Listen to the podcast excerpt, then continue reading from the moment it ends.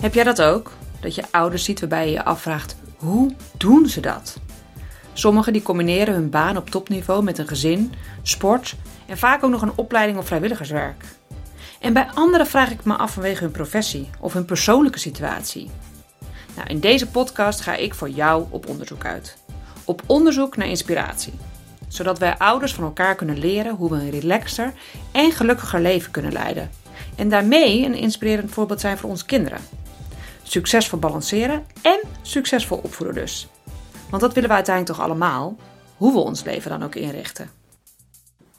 Voor de 24ste aflevering alweer van de Hoe doen zij dat dan podcast interviewde ik Marieke van Welstoffels.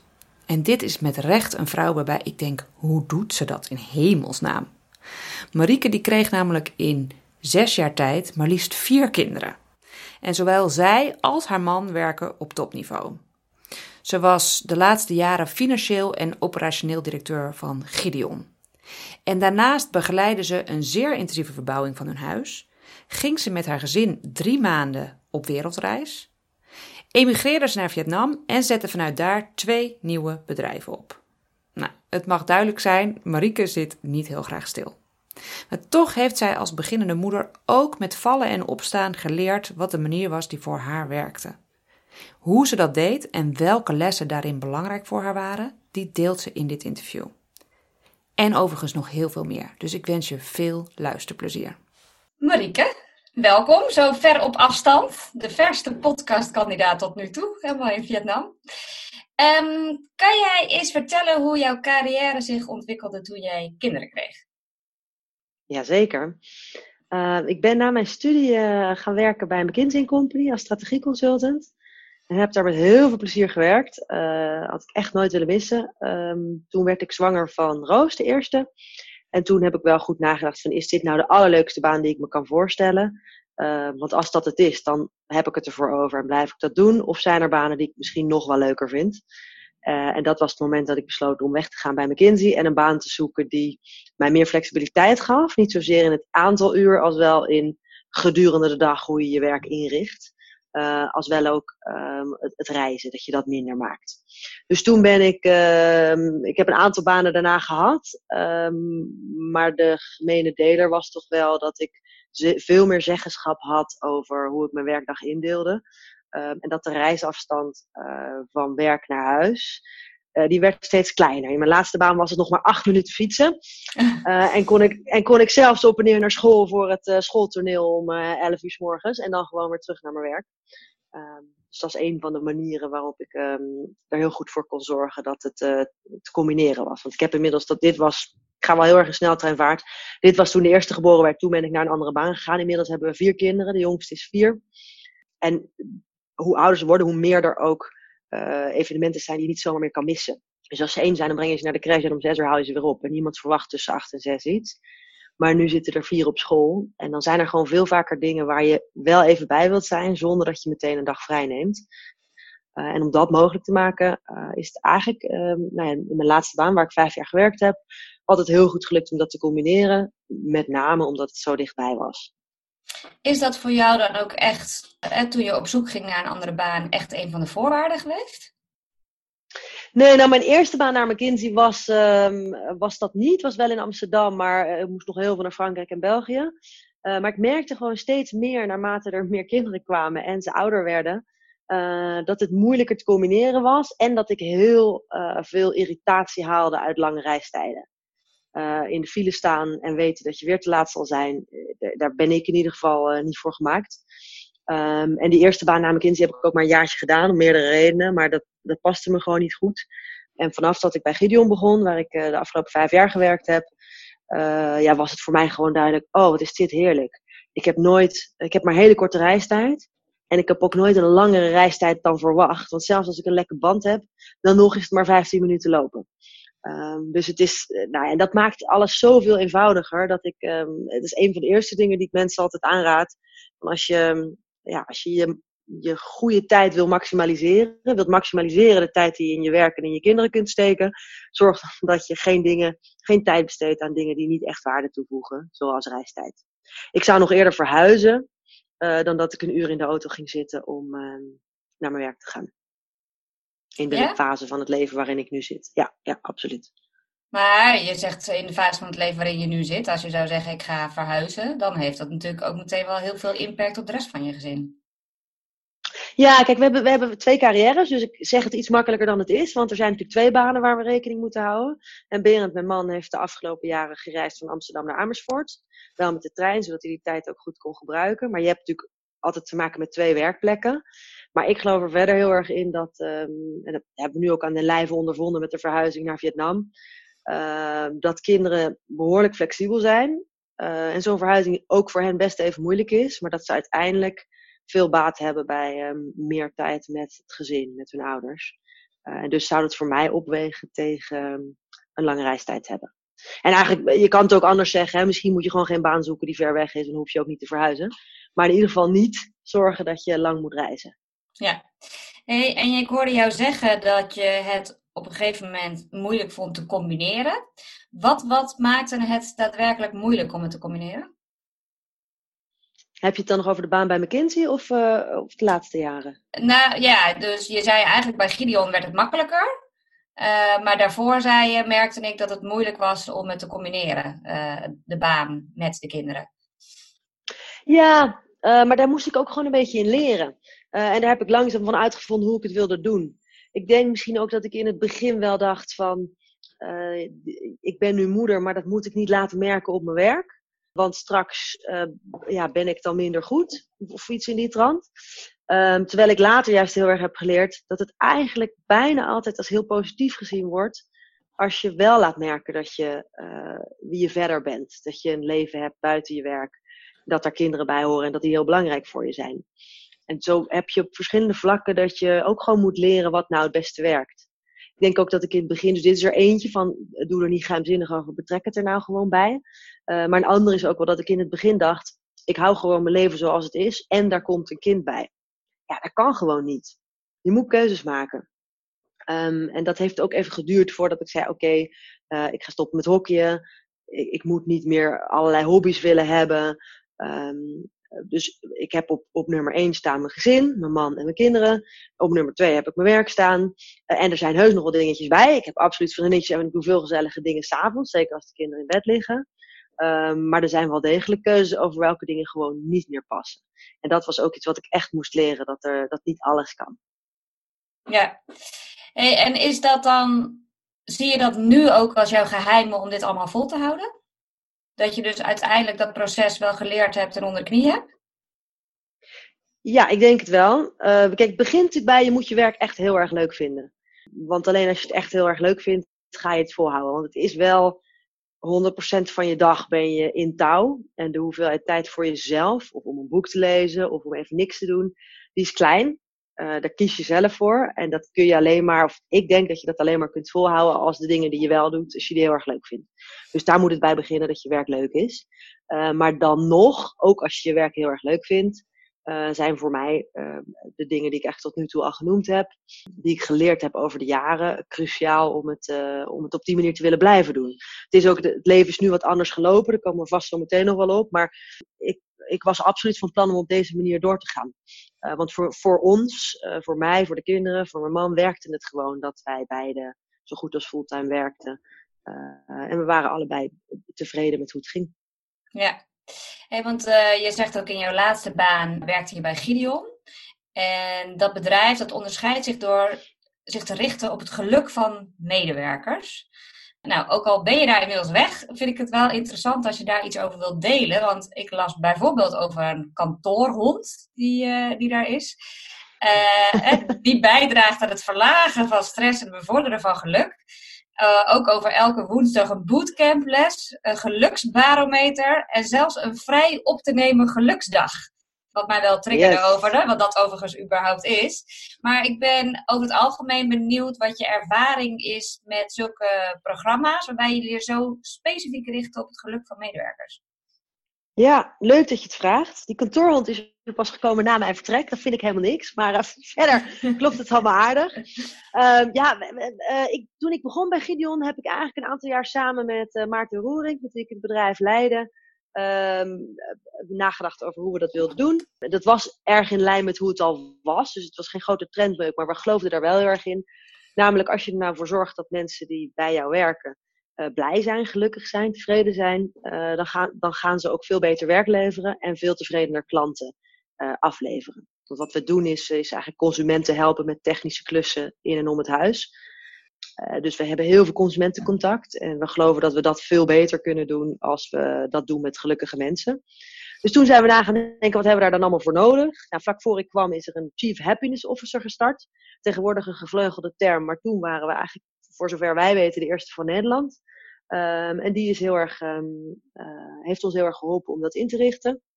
En dat gaat van um, eigenlijk heel inhoudelijk op hoe kan ik mijn mensen nou het beste ontwikkelen. Wat hebben ze nodig om uh, hun werk goed te doen en om het leuk te vinden. wat je natuurlijk bij veel bedrijven wel ziet, maar ik denk dat we daar veel aandacht aan besteden. Naar veel kleinere dingen die denk ik wel veel invloed hadden. Uh, zoals een geluksdag. Een heel leuk klein dingetje. Eén keer per jaar mag je een geluksdag opnemen. Um, en de enige voorwaarde is dat als je die dag gehad hebt, dat je erover vertelt aan de rest van het bedrijf. Dat mag via het internet, met een post, het mag op de zeepkist, want we hebben elke dag een daily uh, van een paar minuten waarin belangrijke dingen gedeeld wordt. Je mag op die zeepkist gaan staan om erover te vertellen, of welke manier jij dan ook maar goed vindt. Uh, met het idee, voor jou is het echt een geluksdag. Het mag geen, aan, aan, geen, niet aan je vakantie geplakt worden. Het is echt een losse dag. Um, en iedere dag maak je uh, de rest van de mensen, of je, met jouw geluksdag maak je de mensen op het werk ook even gelukkig. Doordat je vertelt over wat je dan gedaan hebt. En dat varieert, als je kijkt naar wat mensen doen, varieert het echt van, ik heb mijn oma meegenomen naar uh, een voetbalwedstrijd. Tot, um, uh, ik ben op schoolreisje geweest met mijn dochter. Dat was, was wat ik één jaar gedaan heb. Ik ben ook een aantal jaar ben ik met een goed vriendinnetje naar de sauna gegaan. Dus echt dingen waar je als uh, hardwerkende moeder normaal gesproken geen tijd voor hebt. En hierdoor wel. Dus dat is de geluksdag. Maar we hadden nog veel meer mensen. Veel meer dingen. Gewoon een goede lunch.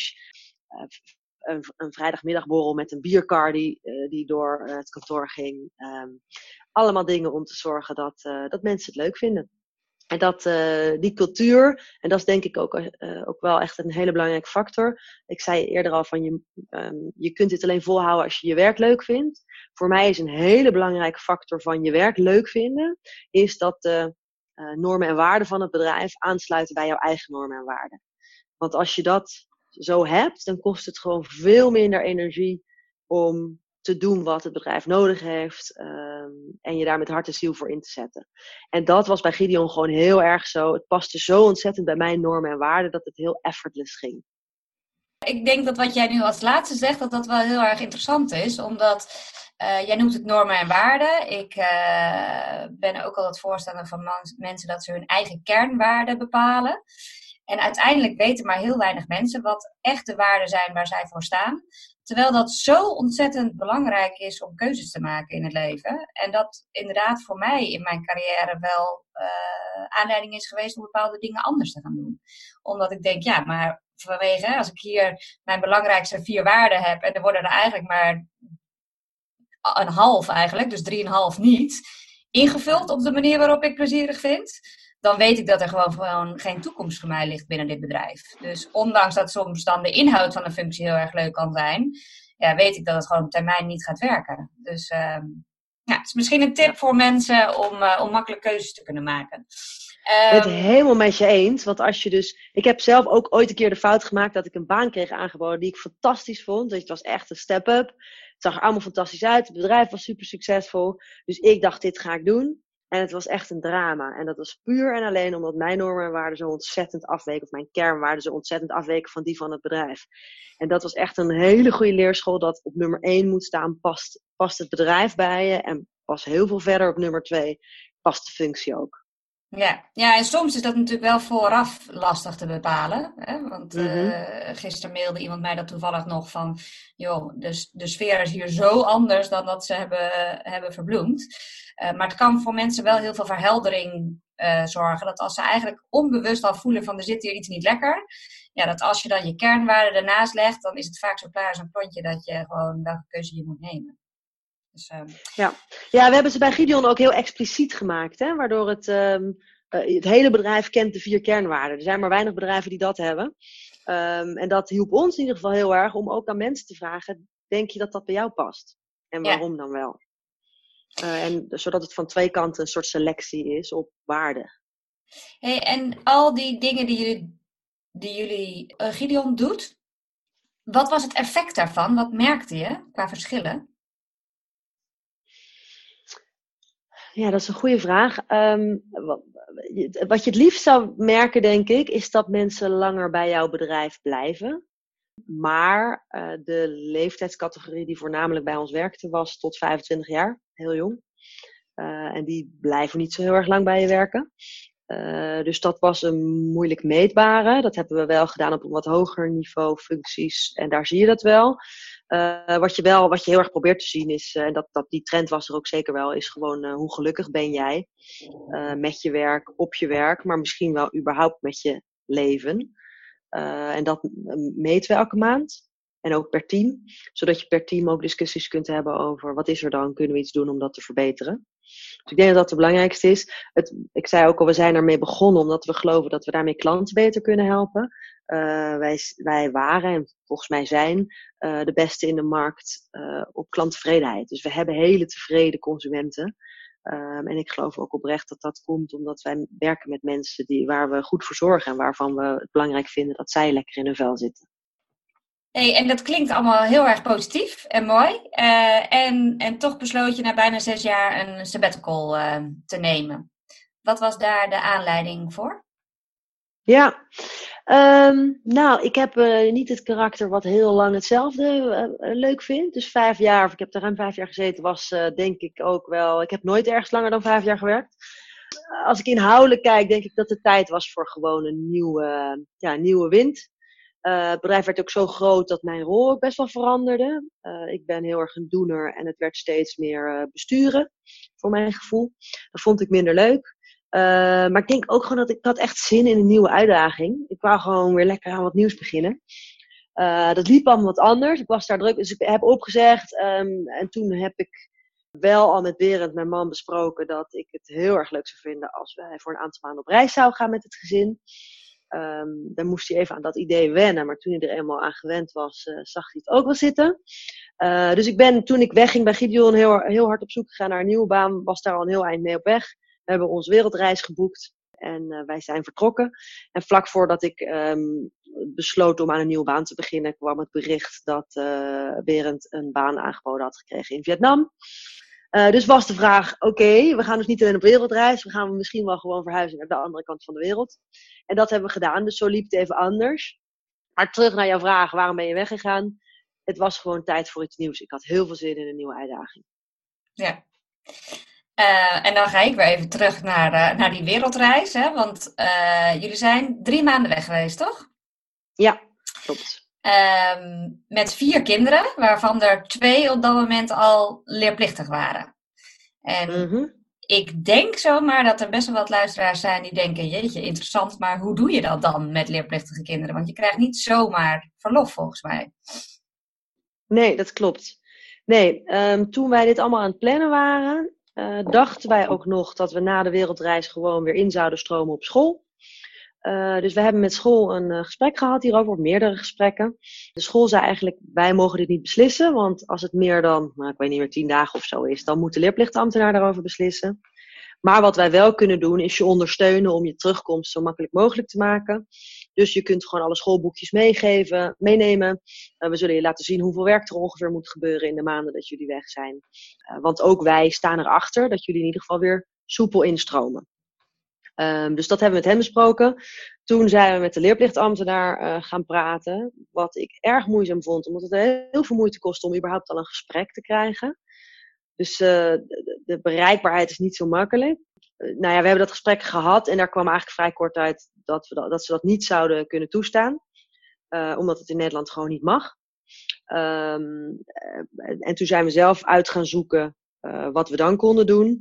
En dan zijn er pakweg twee opties. Eén is, je schrijft je uit uit Nederland.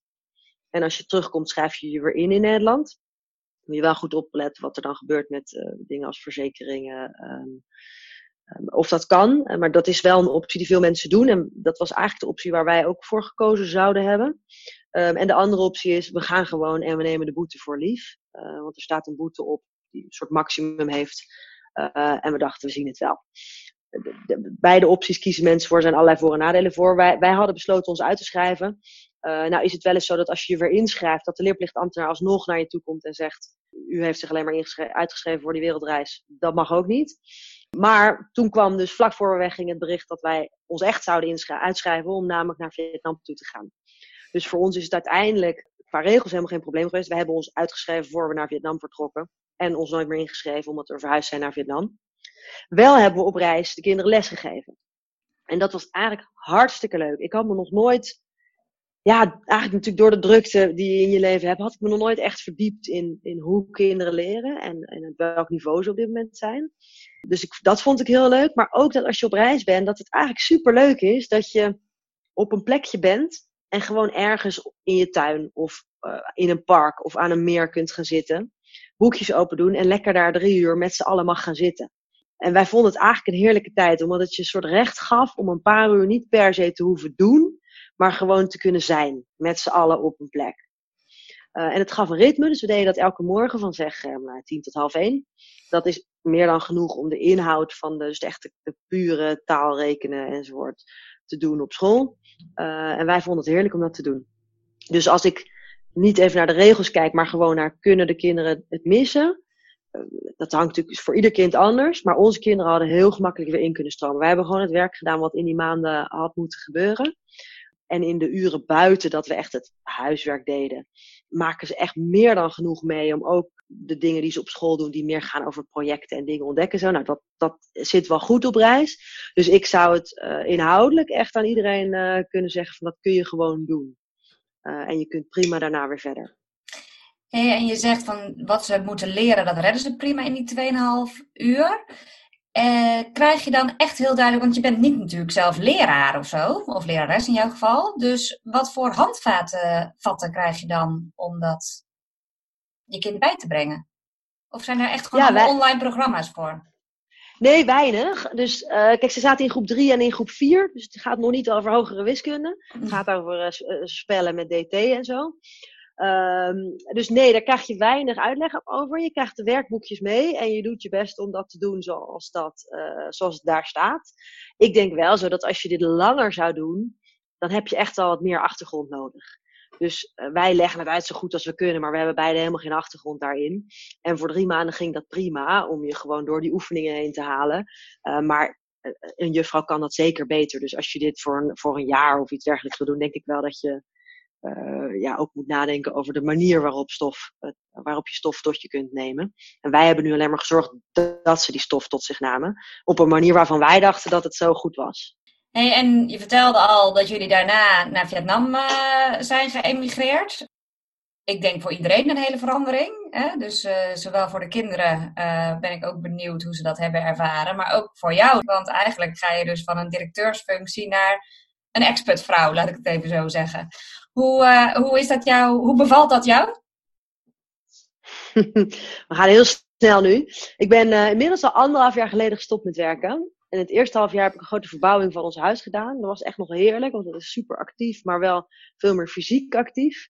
Dus dat was heerlijk. Toen gingen we op wereldreis. Nou, dat was gewoon genieten, omdat we lekker met z'n waren en uh, alle tijd van de wereld hadden. En toen gingen we verhuizen. Toen was ik dus inmiddels al een maand of zeven, acht uh, vrij. En toen had ik wel gezegd van we gaan eerst verhuizen en zorgen dat de kinderen gewoon weer helemaal op hun plek zitten. En dan ga ik weer aan het werk. Uh, die eerste maanden heb je ook echt wel een ouder nodig om heel veel bij je kinderen te zijn. Want het is een hele grote verandering om in een andere taal, in een ander land, in een andere cultuur naar school te gaan. Dus um, ze hadden me gewoon heel hard nodig die eerste maanden. Gaat nu overigens allemaal super goed. Dus als je het hebt over flexibiliteit van kinderen, is het echt heel leuk om te zien dat ze nu allemaal vriendinnetjes uit de hele wereld hebben, het Engels beheersen en op een hele andere manier weer leren dan je in Nederland zou doen. Maar dat terzijde. Um, dus dat was een maand of drie, was dat heel hard nodig. Toen wilde ik eigenlijk weer heel graag aan het werk, was er helemaal klaar voor. En dat blijkt hier in Vietnam best wel een stukje moeilijker te zijn dan ik van tevoren had verwacht.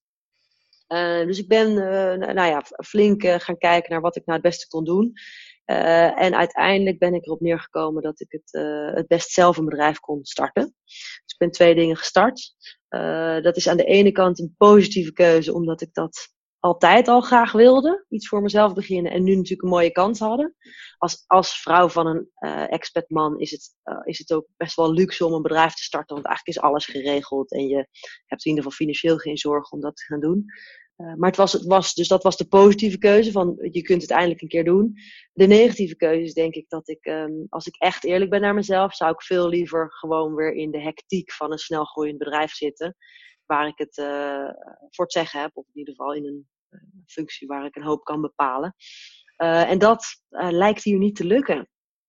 Dus dit is wat het is. En er zijn heel veel dingen zijn heel erg leuk aan het leven hier. De zon schijnt altijd. We hebben een huis met een zwembad. Uh, de kinderen hebben echt een hele bijzondere school.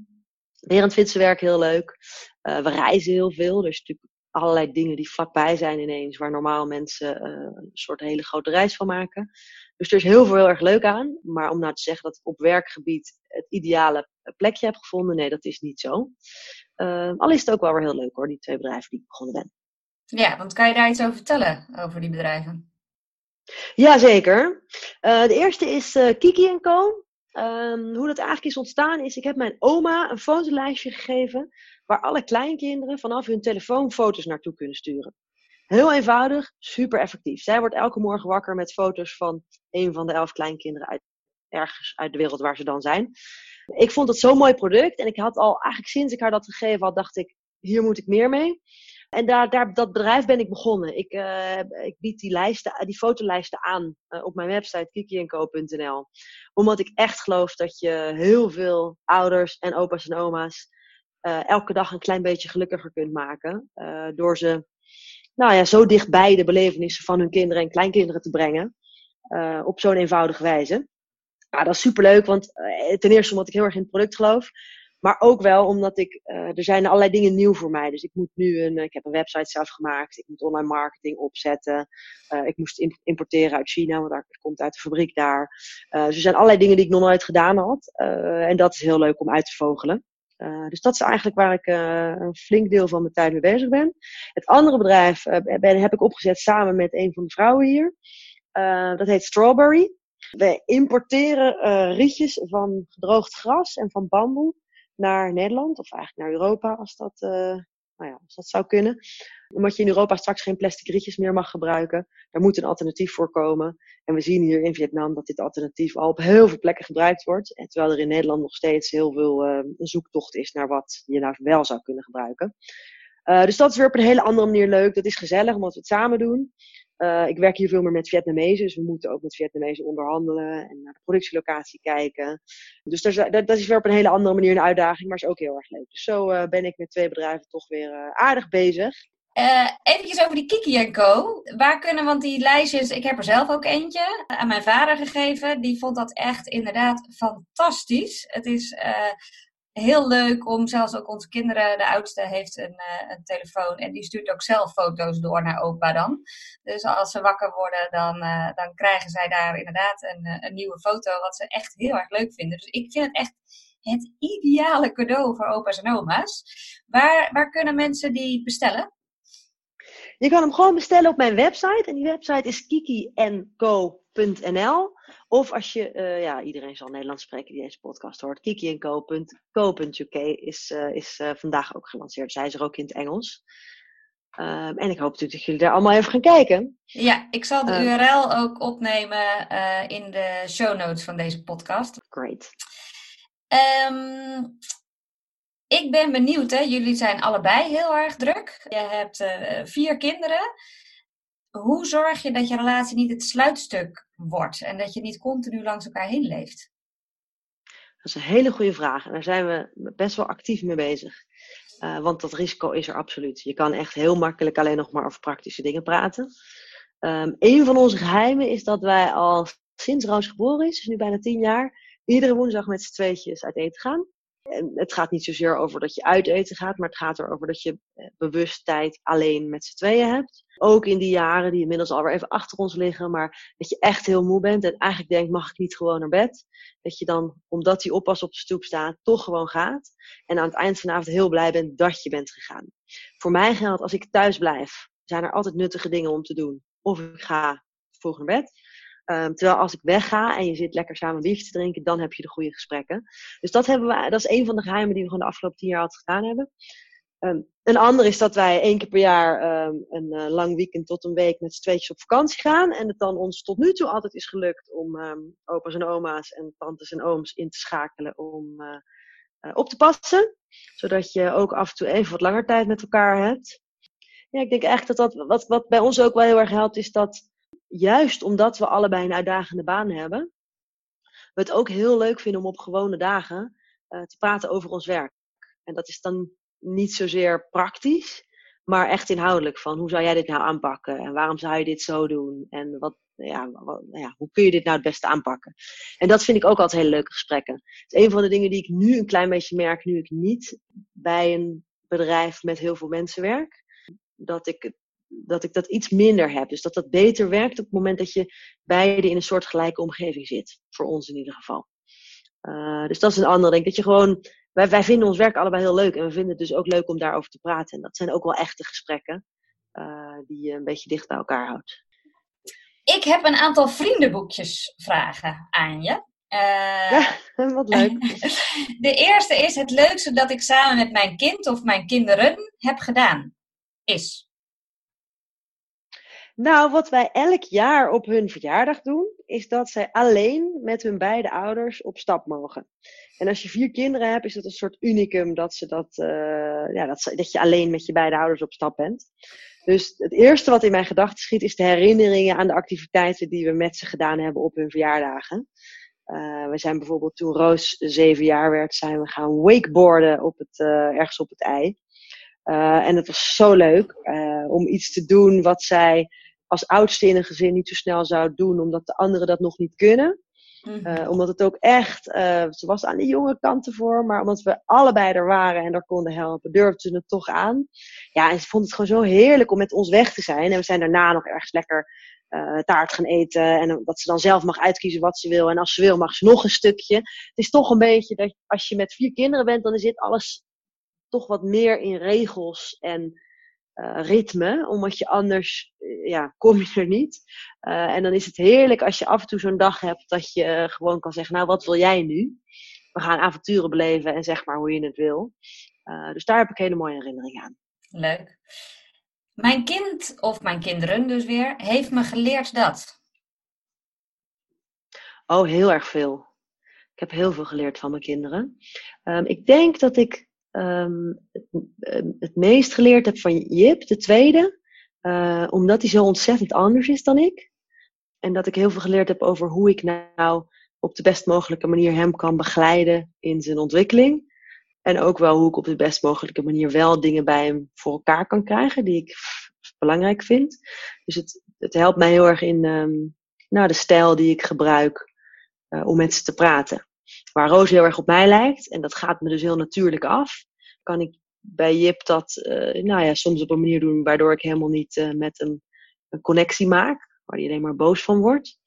Uh, en dat leert me heel erg om, om dat op een andere manier te doen. En ook wel dat dat dus bij andere mensen ook zo geldt.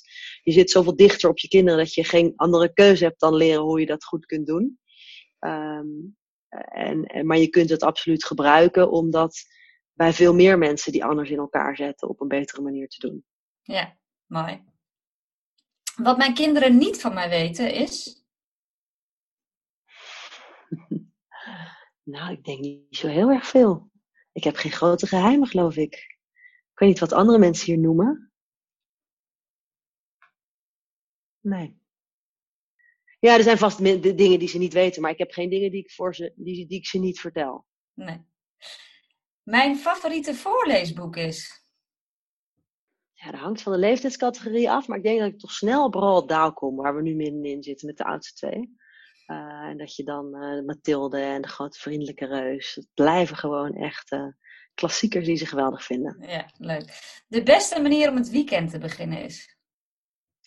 Rustig, zonder plannen, met een uitgebreid ontbijt, een krantje en een goede koffie. Ik ben een goede ouder, omdat? Poeh. Um, omdat ik wil dat mijn kinderen gelukkig zijn. En uh, misschien een beetje als, als tegenstelling daarop, mijn grootste opvoedblunder is? Dat ik veel te veel mening heb over dingen. Dus dat ik veel te duidelijk uh, richting geef. Waar dat helemaal niet altijd goed of beter is. En krijg je dan ook van hun terug dat dat. Nee, niet direct. Daar zijn ze nog te jong voor. Uh, hoewel Roos wordt wat dwarser. Maar uh, vooral indirect. In wat ik eigenlijk net zei over Jip. Dat hij uh, dan helemaal over de rode kan gaan en boos wordt. en dat ik dan daarna denk. Ja, ik heb het ook gewoon niet handig gedaan. Dit is helemaal niet. het was helemaal niet nodig om het zo hard te poneren. Ik, kan, ik kan heel goed stelling nemen. maar dat is helemaal niet altijd de manier waarop je beste, de beste ouder bent. Ja. En ik zou graag eens een dagje willen ruilen met. Michelle Obama. en om welke reden? Ik kan natuurlijk wel wat invullen, maar. Uh... Ja, ik weet het niet. Ik vind haar een geweldige vrouw. Dus ik zou gewoon heel graag een dagje in haar schoenen staan, haar avonturen beleven, haar mensen ontmoeten. En er zit ook wel iets in van laat me die glamour eens ervaren. Dat lijkt me heel erg leuk. Dus het is de eerste die me opkomt. Ja. Hey, is er een vraag die ik uh, niet heb gesteld, maar wel had moeten stellen? Volgens mij zijn de belangrijkste dingen die voor mij de sleutel tot uh, succesvol balanceren zijn, heb ik wel genoemd. Ja. Marieke heeft in korte tijd veel waardevolle inzichten en praktische tips gedeeld. Ik heb ervan genoten. Vooral ook het stuk waarover ze vertelde hoe Gideon omgaat met werkgeluk. Want vanuit mijn passie om mensen gelukkig te maken vond ik dat erg interessant. En wat ik boeiend vond is dat Marieke aangaf dat dat doel hiervan was om de klanttevredenheid te verhogen. Maar daarnaast heeft het namelijk nog veel meer voordelen. Zo heeft onderzoek uitgewezen dat gelukkige medewerkers ten opzichte van ongelukkige medewerkers tot 50% minder vaak ziek zijn, 6 keer minder afwezig en 9 keer zo loyaal. Al gaf Marieke aan dat dat in de leeftijdscategorie die bij Gideon werkt sowieso wel een uitdaging is. Maar daarnaast zijn ze ook nog 12% productiever. Nou, volgens mij reden genoeg om er voor elk bedrijf een speerpunt van te maken. Onze programma's richten zich specifiek op het geluk van werkende ouders. Wil je weten wat dit voor jouw bedrijf kan betekenen?